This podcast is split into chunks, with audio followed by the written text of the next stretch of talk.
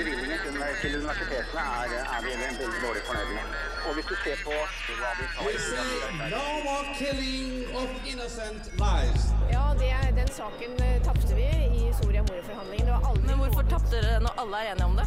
Eh, Nei, det var ikke så stor enighet som eh, det et kunne område vi møter den tradisjonelle brytningen mellom individets frihet og samfunnets ønske om beskyttelse. Lokalt, nasjonalt, internasjonalt. Nyhetsdialog går i dybden.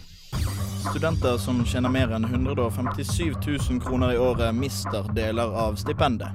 Dette vil vel Velferdstinget gjøre noe med.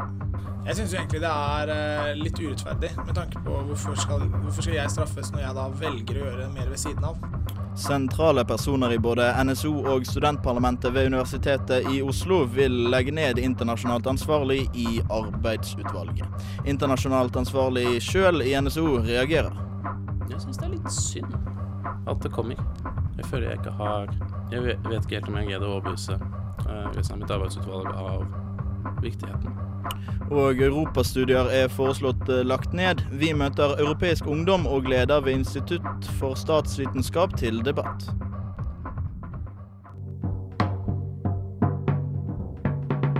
Nyhetsfredag. Fredager klokken 11 på Radio Nova FM 99,3. God eh, formiddag. Du hører på Nyhetsfredag, studentenes aktualitetsmagasin her på Radio Nova, FM 99,3 på DAB og nettspiller. Mitt navn er Adrian Nyhammer Olsen, og tekniker i dag er Anders Tviberg. Seinere i sendingen skal vi få høre at forelesere er opprørt over at studenter velger OL fremfor å lære. Men først skal Marie Røsland gi oss ukens viktigste studentnyheter. Nyhetsfredag gir deg ukas viktigste studentnyheter. Velferdstinget i Oslo og Akershus vedtok i helgen at eh, ingen leger tilknyttet Studentsamskipnaden i Oslo skal kunne reservere seg mot å henvise til rabort. De skal jobbe aktivt opp mot SIO for at dette ikke skal bli tilfellet. Leder i Velferdstinget Kaja Marie Rosseland uttalte at du er en drittsekk hvis du tar jobb som lege i SIO og reserverer deg mot abort. Og ifølge styreleder i SIOs eh, hovedstyre, Magnus Nystrand, så vil SIO lytte til Velferdstinget dersom det blir innført reservasjonsrett. Torsdag fikk Handelshøyskolen BI en ny rektor, og han heter Jan Henjesand. I 2007 trakk Henjesand seg fra sin prorektorstilling etter angivelig samarbeidsproblemer med tidligere rektor Tom Kolbjørnsen. Nå overtar han altså Kolbjørnsens stilling. Begrunnelse for karakterer møter stor motstand blant ansatte ved Høgskolen i Oslo og Akershus. De fire fakultetene ved Høgskolen i Oslo og Akershus registrerte i alt 3806 krav om begrunnelse for eksamenskarakterer i 2013. Studentparlamentet de har gått ut og oppfordret alle studenter, uansett karakter, til å be om begrunnelse, og jobber også for å få innført automatisk begrunnelse for alle eksamener. I onsdagens Emneknaggen forteller studiedirektør Marianne Bratland om dette. Det som jeg tror ansatte og tilsatte ved høyskolen er usikre på, er jo hvorvidt ressursbruken det vil medføre hvis man skal gjøre det på en ordentlig måte, er forsvarlig i forhold til hvor mye midler og ressurser man må bruke på det. Årlig så avlegges det over 80 000 eksamener på høyskolen, og Bratland uttaler at en mulig løsning er at eksamene gjennomgås i plenum etter at sensuren faller. Etter forrige ukes nyhet om at Universitetet i Bergen har drevet med ulovlig overvåkning når de har lagret kortbruksinformasjon for sine studenter, så innrømmer Universitetet i Oslo denne uken at de også har brutt loven.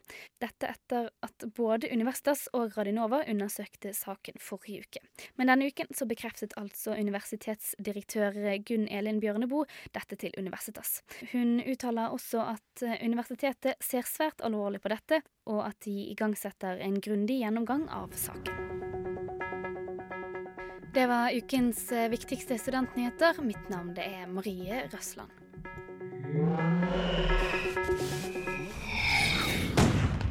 Det var altså de viktigste nyhetene denne uken. Seinere i sendingen skal vi få høre at en trend å ville bortprioritere internasjonalt ansvarlig i studentdemokratier, men først er det Atella her på Radio Nova. Radio Nova, FM 99,3 og radionova.no. Bergen- og Oslo-baserte Atella med låten 'The Monster' her i Nyhetsfredag, studentenes aktualitetsmagasin på Radio Nova FM 99,3. Om få minutter kommer leder i Velferdstinget i Oslo og Akershus, Kaja Marie Rosseland, i studio. Velferdstinget skal nemlig jobbe for å øke inntektstaket, den beløpsgrensen som gjør at man får mindre stipend hvis man tjener over 157 000 kroner i året. Venstresiden i studentpolitikken er sure over forslaget, og mener at det ikke bør gis stipend i vildens sky. Jeg syns egentlig det er eh, litt urettferdig, med tanke på hvorfor skal, hvorfor skal jeg straffes når jeg da velger å gjøre mer ved siden av, og samtidig også klarer å stå på alle eksamene og gjøre det bra på eksamene, og klarer de kravene fra den måten. Sier Kristoffer Sapienza om inntektstaket. Du får mindre av studiestøtten omgjort til stipend hvis du tjener over 157 000 kroner i år. Det her er jo sånn vi sitter og jobber. Vi har jo da chatten hvor personer kan logge seg på og registrere seg. Enten, eh, med fullt navn og e-postadresser, sånn at vi kan se om de har vært i kontakt med oss tidligere eller lignende. Kristoffer studerer økonomi og ledelse, jobber i DNB, i Hewlett Packard Norge og som studieassistent på BI.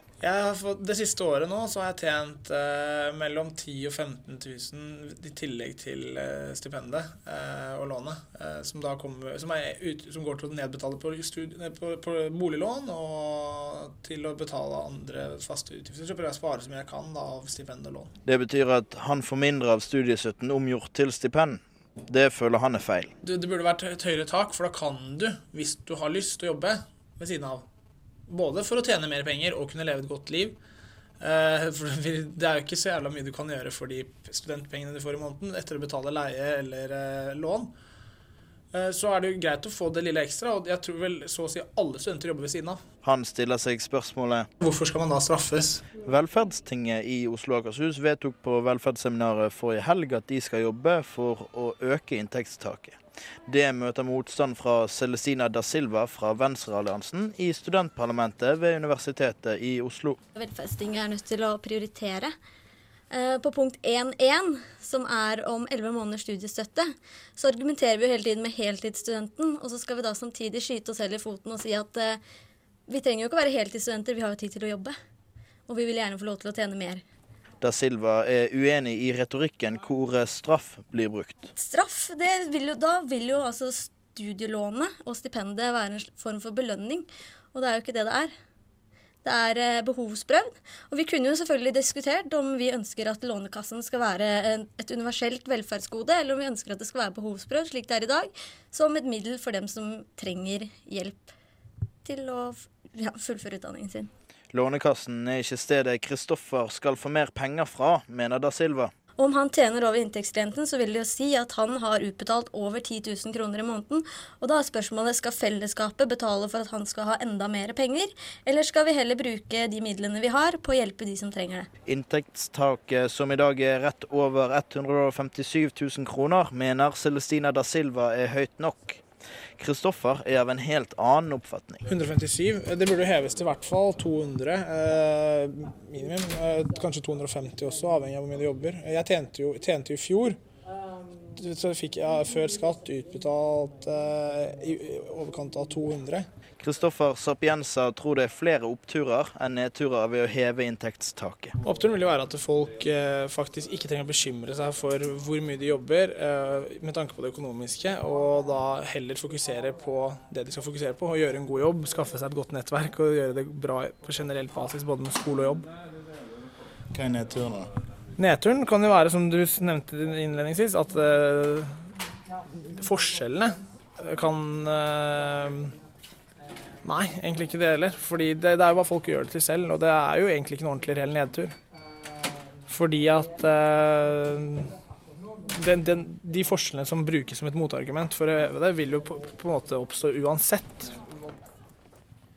Det sa altså Kristoffer Sapienza, student på BI og arbeidstaker, som tjener mer enn 157 000 kroner i året.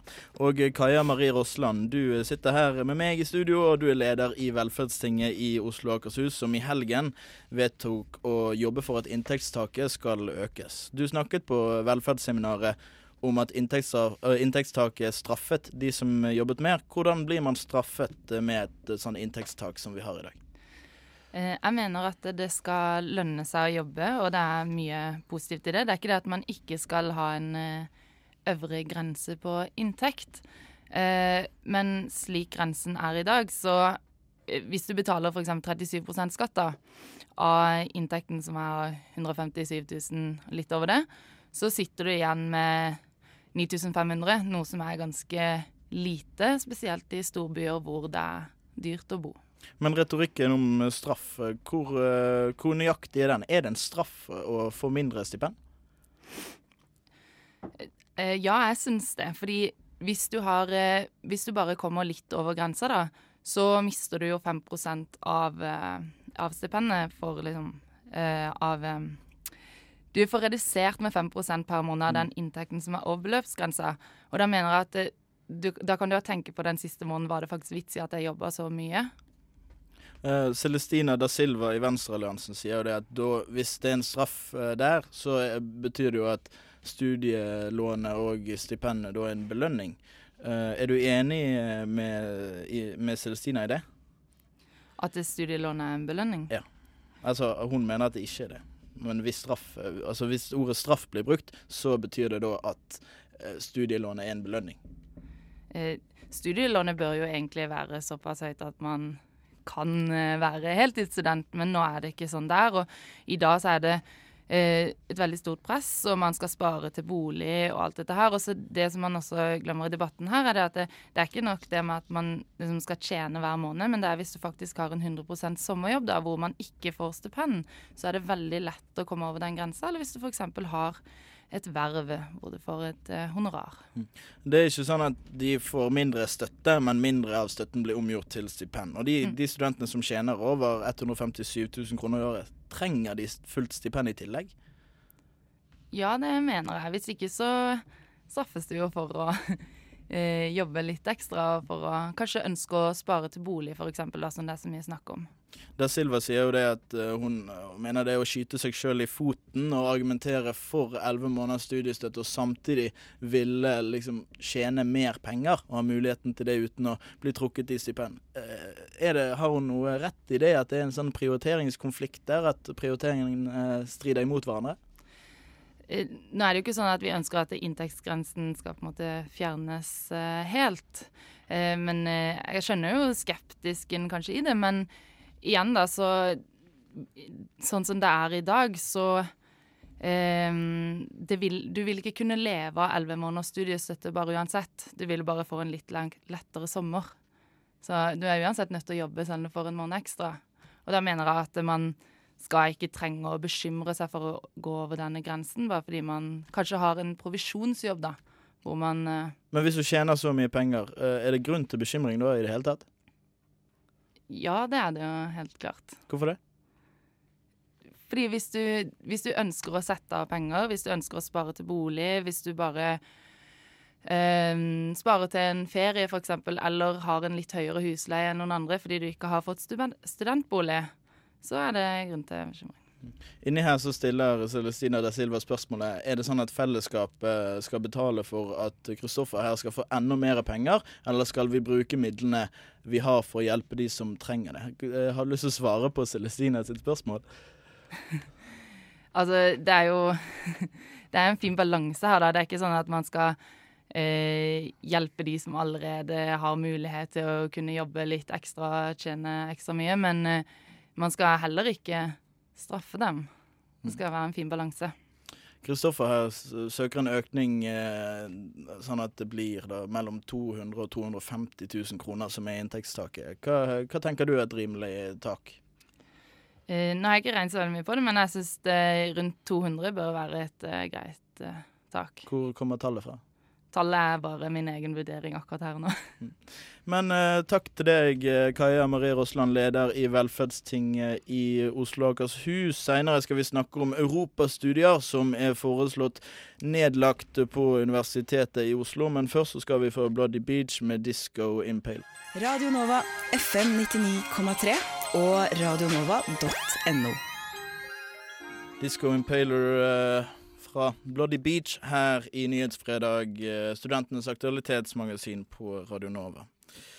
I studio nå så har vi Dag Harald Klas, instituttleder på Institutt for statsvitenskap ved Universitetet i Oslo, og Agnes Arnadottir, leder i Europeisk ungdom. Eh, dere sitter her fordi at eh, instituttet ditt, eh, Dag Harald, eh, har eh, foreslått å legge ned europastudier. Eh, hva er grunnen til at eh, dere har bestemt det? Ja, det, er, eh, det har vært gjennomført en eh, bred evaluering av de tverrfaglige bachelorprogrammene ved SV-fakultetet. I den evalueringsrapporten så fremkommer det to forhold som eh, jeg syns det var viktig å se nærmere på. Det ene er at europastudier har fått en profil som er veldig lik statsvitenskap. Det skjer, to, det skjer primært ved at studentene jo i all hovedsak som studerer europastudier, velger fordypningen innenfor programmet i, i statsvitenskap. Og dermed så blir eh, hoveddelen av undervisningen på programmet eh, veldig likt statsvitenskap. Og det andre er at europastudier i ti år har hatt lave søkertall, og i de siste årene fallende søkertall. Så de startet med lave søkertall for ti år siden, og det søkertallet har falt. Så søkertall som har gått ned, og at det er likt eh, statsvitenskap. Er det Ja. andre ting eh, ved europastudier som er svakere enn alle andre studieprogrammer? For det kommer jo frem at europastudier kommer dårligst ut. Ja, de kommer klart dårligst ut. Og det er den kombinasjonen her. Altså, jeg kan godt opprettholde et studieprogram som har en unik profil med lave søkertall. Eh, Jeg kan godt opprettholde et studieprogram som er likt statsvitenskap hvis det har høye søkertall. Men det er den kombinasjonen at vi egentlig gjør det samme et annet sted, og at søkertallene faller. Så det er eh, meningsløs ressursbruk å opprettholde et program eh, i denne situasjonen. Eh, Studieplassene på dette programmet bør overføres til andre programmer som har vesentlig høyere søkertall. Mm. Agnes, du er leder i Europeisk ungdom. Hva tenker du om den foreslåtte nedleggelsen? Ja, eh, jeg er jo da også tidligere student ved Europastudier. Eh, Jeg stiller meg ganske uforstående til eh, forslaget, og det av eh, flere grunner. Jeg skjønner jo at, at lavere søketall er et problem, men så vet jeg også av erfaring at man har ikke man har ikke vært flinke, og man, ikke, man har ikke satset på å formidle den virkelige relevansen av studiet utad. Samtidig så har jo nå Universitetet i Oslo en, en strategi fram mot 2020 hvor man skal satse spesielt på tverrfaglighet, også på internasjonalisering, og øke, økt samarbeid med eh, europeiske forskningsmiljøer. Så jeg mener jo at eh, tidspunktet er litt merkelig, og jeg mener at det her egentlig er en perfekt anledning til å styrke tverrfagligheten til europastudier. Ja, Dag? Ja, altså dette med å satse på tverrfag tverrfaglighet, for å ta det først. eh, Et eh, element i dette forslaget som fremmes, er å overføre disse studieplassene til internasjonale studier.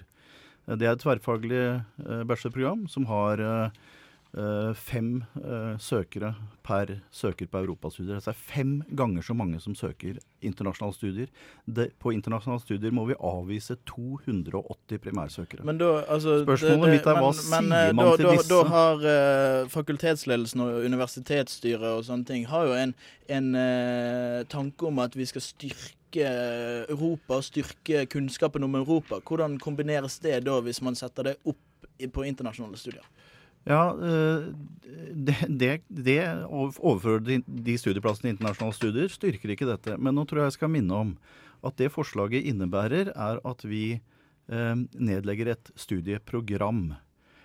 All undervisning, alle emner som Institutt for statsvitenskap i dag gir innenfor dette programmet, vil bli videreført. Vi kommer til å fortsette å gi nøyaktig den samme undervisningen fra Institutt for statsvitenskaps side som vi i dag gir innenfor dette programmet. Det, eh, og det er helt i tråd med den betydningen Europa har både innenfor statsvitenskap og, som det sies, innenfor strategien når det gjelder undervisningsprofilen. Agnes. Agnes. Men eh, det stemmer jo ikke helt, fordi man vil jo da miste den eh, særegne kompetansen som er eh, det å ha tatt en bachelorgrad i europastudier. Fordi de fagene som HF har tilbudt, de historiefagene, de vil jo mest sannsynlig falle bort, og så vil EØS-retten falle bort. Og Hva, hva jo da- tenker du om det i dag? Ja, jeg har eh, selvfølgelig, når jeg fremmet dette forslaget, invitert både Det humanistiske fakultet og Det juridiske fakultet til å opprettholde de emnene som de i dag gir innenfor programmet. Jeg har ikke mottatt noen signaler om at de har til hensikt å legge ned disse emnene. Eh, noen av disse emnene er veldig parallelle med andre emner som gis eh, på Det humanistiske fakultet, så, det, så de er allerede i dag egentlig ikke noen særegne emner. Eh, Men jeg eh, håper virkelig at juridisk fakultet vil opprettholde EØS-rett-kurset. Det har jeg all grunn til å tro, og jeg er ganske sikker på at også Det humanistiske fakultet vil opprettholde flere av disse emnene. Så fremt studentene velger å ta disse emnene, for det er jo Ja. selvfølgelig et element i dette også. Fordi at hun, Kaja Elisabeth Rus, som er leder for programutvalget på Europastudiet, hun sier det at studentene er engasjerte nok. Folk vet ikke bare at vi eksisterer. Hun vil at programmet skal settes på prøve og ikke legges ned. Hva tenker du om det forslaget? Ja, Vi har diskutert dette i ti år. Altså det, det er ikke riktig at man ikke har løftet en finger. Man har snakket om de lave søkertallene på europastudier i ti år. Eh, og eh, det har, eh, konsekvensen av det har altså vært fallende søkertall, Mm. ikke stigende søkertall. Da har jeg egentlig bare lyst til å skyte inn at jeg, jeg har ikke opplevd et eneste tiltak som faktisk har styrket satsingen på europastudier, og formidlingen har vært dårlig utad. Den er fortsatt dårlig, og jeg mener at det her er en anledning til å gjøre noe med, med studiet og styrke det. Man kan styrke tverrfagligheten enda mer med å ha mer EØS-rett og kanskje eh, tilleggsøkonomifag økonomifag som går på EU. Hvilke Så tiltak har dere gjort? eh, Nei, altså Hva som har vært inn, satt inn av tiltak fra programrådet, det kjenner ikke jeg til. Jeg bare er klar over at det har vært en diskusjon, en påpekning også i dialogen med Institutt for statsvitenskap, at det har vært lave søkertall. Så det har vært oppe til diskusjon hele tiden. Ingenting har skjedd når det gjelder søkertallene. De har gått den gale veien. Hvis vi sammenligner med et annet studieprogram som ble opprettet nøyaktig samtidig, og som er administrert helt parallelt med europastudier, nemlig det tverrfaglige bachelorprogrammet i internasjonale studier, så har det altså fem ganger så mange søkere, og der har søkertallene holdt seg hele denne perioden. Jeg har ikke gjort noen ting fra instituttets side. Jeg kan ikke si at det har vært gjort noe eh, ekstraordinære tiltak som gjør at internasjonale studier er verdenskjent, mens europastudier er gjemt i skyggenes dal. Hva tenker du om det, Agnes? Er det for lite engasjement rundt Europa? Sånn, I samfunnet så er det absolutt behov for mer eh, engasjement, og det er derfor nedleggelsen er, eh, er så alvorlig, syns jeg. Det er jo et skrikende behov for kunnskap om EU og EØS i det norske samfunn og i det norske næringsliv. Så I tillegg så har jeg lyst til å påpeke at Europas studenter er jo veldig engasjert gruppe. I AU, arbeidsutvalget i studentparlamentet, så er det fire av fem eh, som sitter her, er europastudenter. Og in, eh, jeg tror at det er en lett jobb å styrke profilen og gjøre det mer kjent, for i dag er europastudier ikke et uh, godt Men, nok kjent men studie. når, når, eh, når Dag Harald her sier det at uh, de skal jo ikke legge ned noen emner, Uh, hvorfor er det så viktig å holde, holde fast ved programmet da, Agnes? Det er veldig viktig fordi du får en egen kompetanse. og Du kan vi- jo bare ta de emnene. Ja, men det er, det er valgfrie emner. Og jeg tviler på at det er veldig mange som kommer til å søke på statsvitenskap med det målet Så da er det kanskje ikke så mye engasjement, da? Jeg tror at engasjementet er der, og vi har jo eh, 60, 60 søkere årlig, eller var jo 60 søkere i fjor. Og hvis man gjør relevansen mer kjent, så er jeg helt sikker på at søketallene også har mulighet til å gå opp. Dag. Ja, Den unike profilen som du refererer til, eh, det, det, det er helt klart at dette er en spesiell kombinasjon av emner mellom juss, eh, HF og, og eh, statsvitenskap. Eh, Jeg eh, har, eh, Dersom man nå, fakultetet nå velger å foreslå å legge ned dette, vil jeg ta initiativ for å få satt sammen en såkalt 40-gruppe, som de fleste studenter jo kjenner til, som har denne kombinasjonen, sånn at vi får en pakke med emner som gir denne kombinasjonen av juss, historie og statsvitenskap, som er veldig nyttig. La meg også nevne, altså igjen, undervisningen blir beholdt. Tematikken om EU og Europa er særdeles sentral i statsvitenskapen, og det kommer selvfølgelig til å fortsette. I tillegg, la meg bare minne om, hvis man er opptatt av programmet som sådan, det er europastudier ved Universitetet i Bergen og ved NTNU. Det er 30 studieplasser i Bergen, det er 60 studieplasser i Trondheim. Begge disse programmene har lav søkning. Alle som søker disse programmene, blir tilbudt plass. Men hvis vi- hvis vi- når vi meg først er inne på- har, det, jeg bare La meg få, Ja. få fram dette. Vi har en Ja. overkapasitet i europastudier i forhold til søkertallene nasjonalt. Men, men, Hvis man vis- men, eh, men i, i Trondheim, hvis man først har tatt, eh, tatt det inn, så sier de der oppe Der er det tall fra studiebarometeret. Det er det ikke på uh, universitetet her fordi at det er for få. Uh, men der sier de at de faglige interesser var kjempeviktig for at de valgte det studieprogrammet. Sier ikke det noe om at når den faglige interessen scorer så høyt som 4,4 av 5, at det er ikke noe man bør, uh, bør legge ned og kanskje opprette flere programmer når det er såpass stor Jo, men jeg, jeg er kjempeglad for at europastudentene er engasjerte i faget sitt. Og det, det gjenspeiler jo den, den, eh, den, kritikken de retter mot, eh, mot nedleggelsen. Og jeg har full forståelse for det. Men det er altså fullt mulig å ta toget til Trondheim eller til Bergen og få dette studietilbudet sånn, så, dersom det er det man virkelig brenner for. Agnes? Jeg mener jo at denne holdningen her er veldig lite pragmatisk og endringsvillig. Universitetet i Oslo er jo ikke et kommersielt universitet, og jeg syns ikke at søkertallene alene skal være med å bestemme, eller skal bestemme nedleggelsen.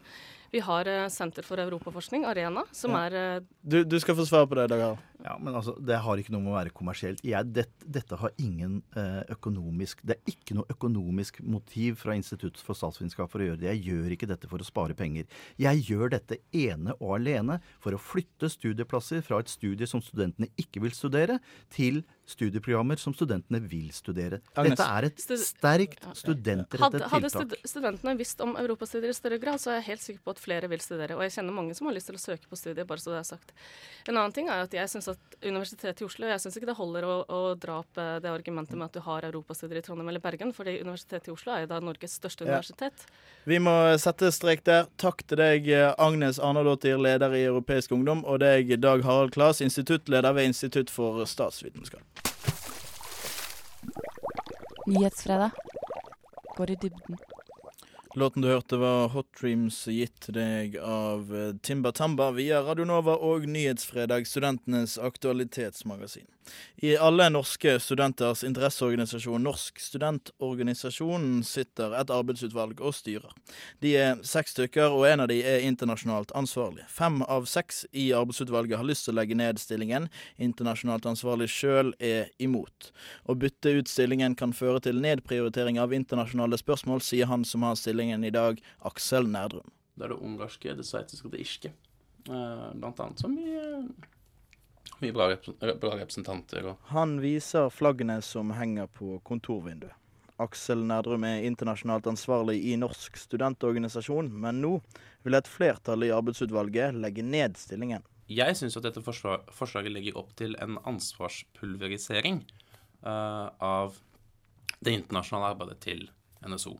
I stedet for skal det internasjonale arbeidet spres utover hele arbeidsutvalget. Det tror Nerdrum vil gjøre at internasjonalt arbeid vil falme. Og i en travel uh, studenttillitsvalgt hverdag, uh, så vil du mest sannsynlig gå, gå, til at alle nedprioriterer det internasjonale. Hvis alle er enige om at alle skal sammen få gjort det neste gang, så vet alle at det ikke skjer. Er, du trenger at det er noen som har et overordnet ansvar for uh, internasjonalt nettverk, internasjonal påvirkning, og for å holde det oversiktsbildet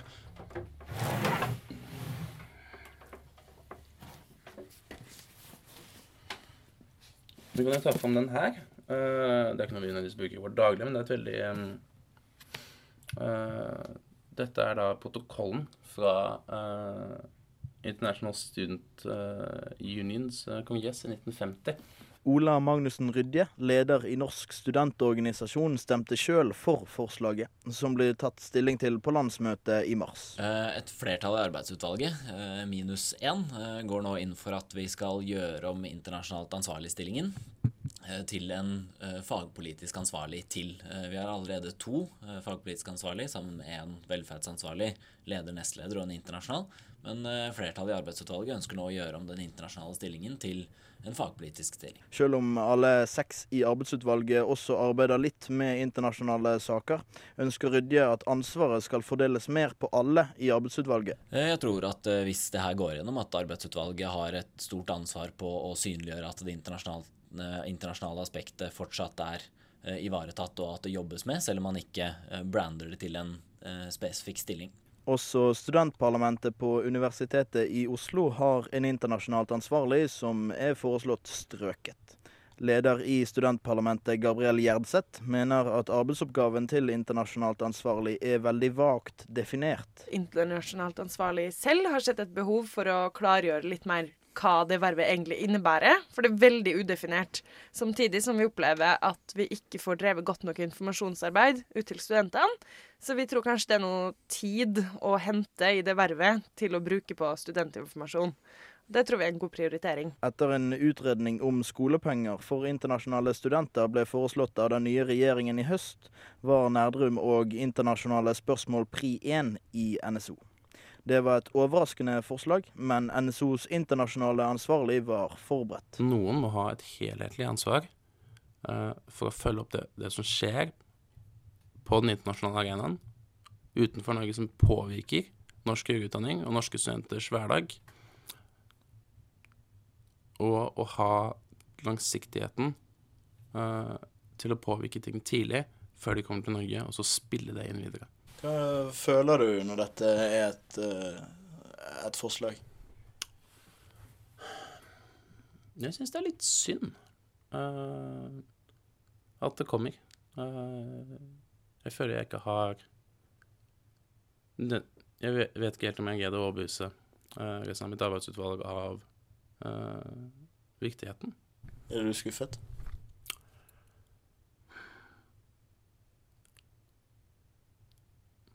Det kommer an på hva landsmøtet sier.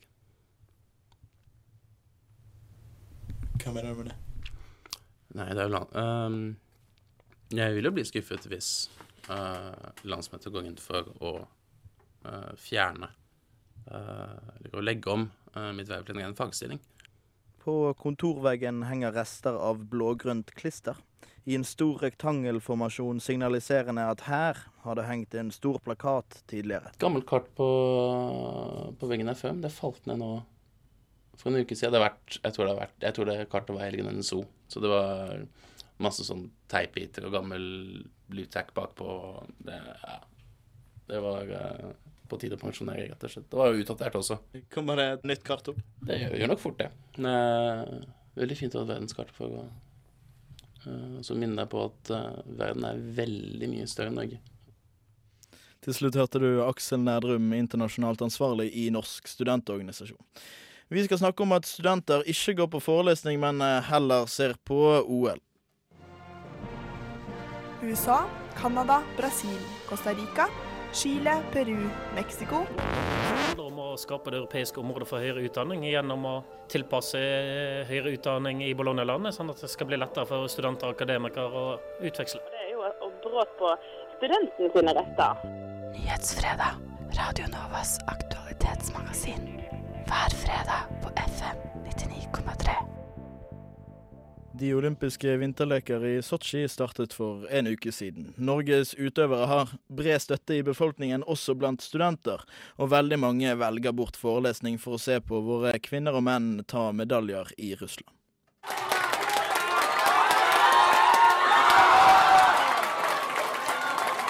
Maiken Caspersen Falla går inn til sprintgull, og den fullsatte puben på UN koker. OL i Sotsji vises på dagtid, så hvordan få med seg både forelesning og 15 km? For masterstudent Brede Møller og bachelorstudent Anne Marte Bakke Gabrielsen har ikke OL-tittingen gått hardt utover samvittigheten. Vi har vært her eh, ja, et par timer fort. Ja. ja, det ble vel en par timer, ja. Og det er heller ikke alle grener som er like spennende. Vi er litt annerledes. Jeg får det heller med på andre ting. For jeg syns det er litt mer spennende. For langrenn så er vi Vi tapetserer jo alle paller som fins.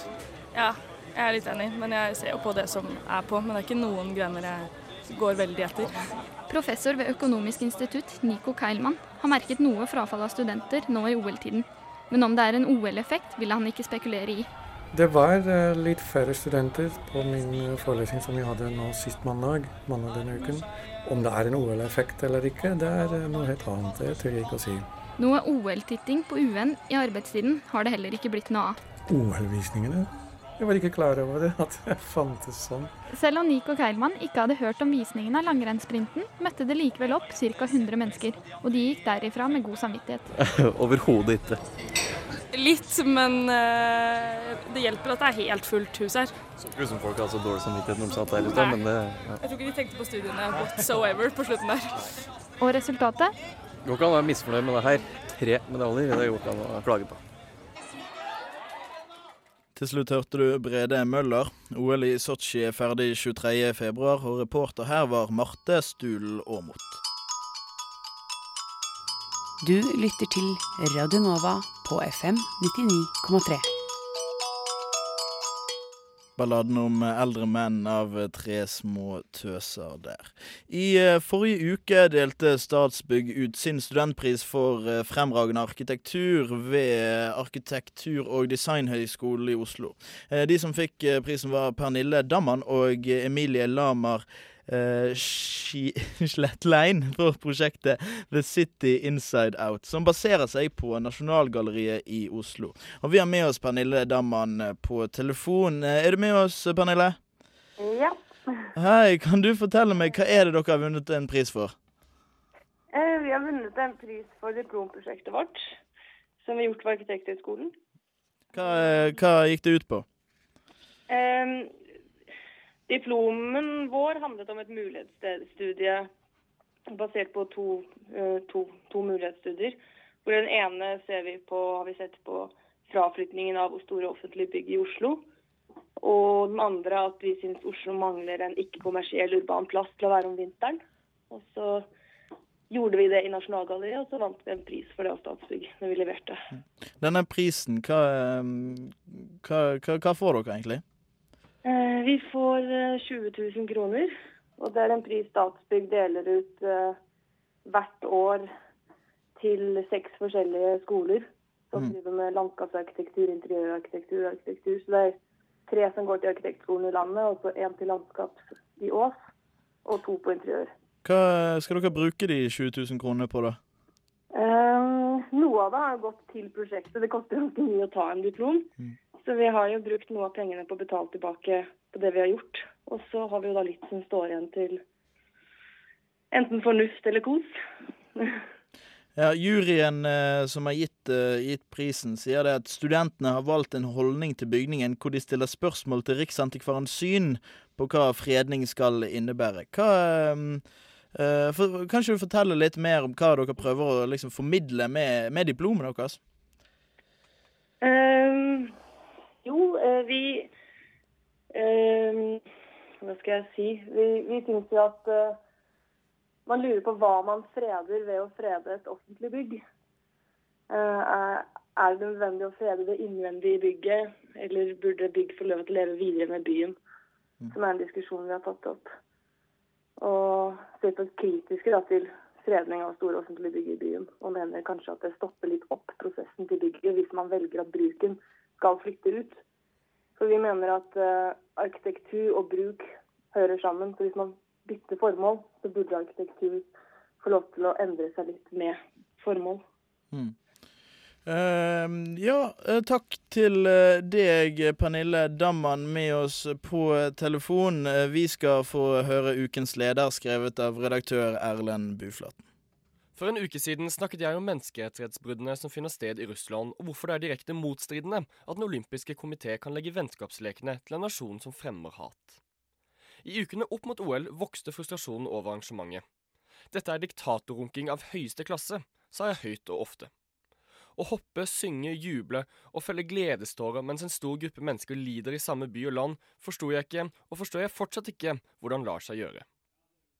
I dagene før lekene åpnet, vokste frustrasjonen også over mitt eget land og folk. Jeg var ganske forbanna, egentlig. Lite problem til tross. Nordmenn kan være noen sytejævler.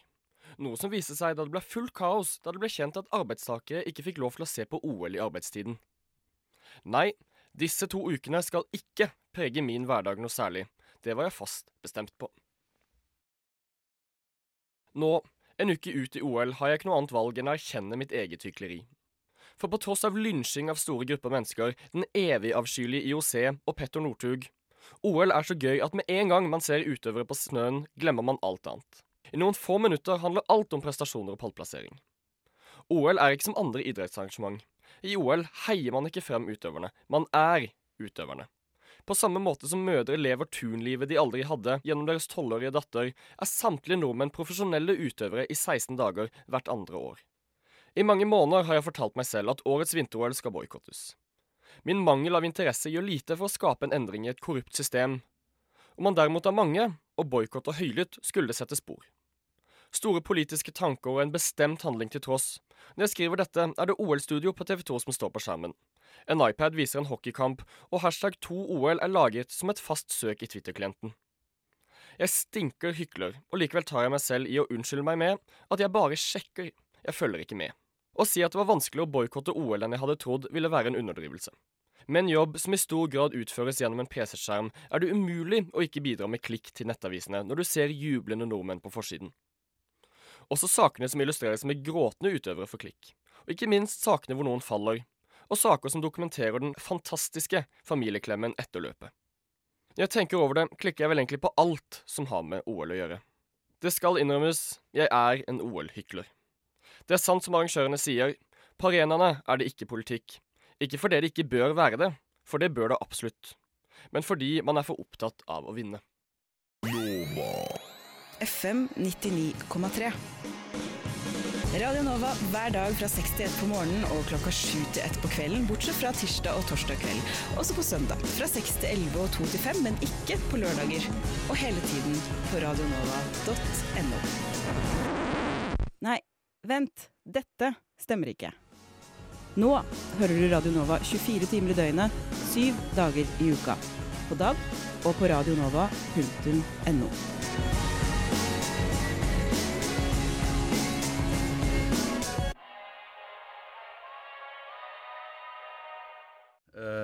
Men det handler jo ikke om ja, men Hadde dere det? Det er et ja-nei-spørsmål. Hadde dere slått dere på brystet og sagt vi innførte 11 måneders studiestøtte hvis det hadde nå gått gjennom? Ja, selvfølgelig hadde vi tatt ære. Enkle og vanskelige spørsmål får du hver onsdag i emneknaggen Studentenes debattprogram her på Radio Nova. Får man være heltidsstudenter med ti måneders studiestøtte? Nei. Det var en liten teaser til Emneknaggen, vårt debattprogram som sendes på onsdager klokken 17.30. Flere studentsaker får du der, for vi er ved veis ende. Vi er selvfølgelig tilbake neste fredag klokken 11, men i mellomtiden finner du oss på Twitter, Facebook, Soundcloud og radionova.no. Bidragsytere til denne sendingen har vært Marte Stuhl Aamodt, Eirin Nilsen Vikøren, Helge Sander Lie Schwitters og Marie Røsland. Tekniker i dag har vært Anders Tviberg, og mitt navn er Adrian Nyhammer Olsen. Vi gir dere High Places med Altos Lugares.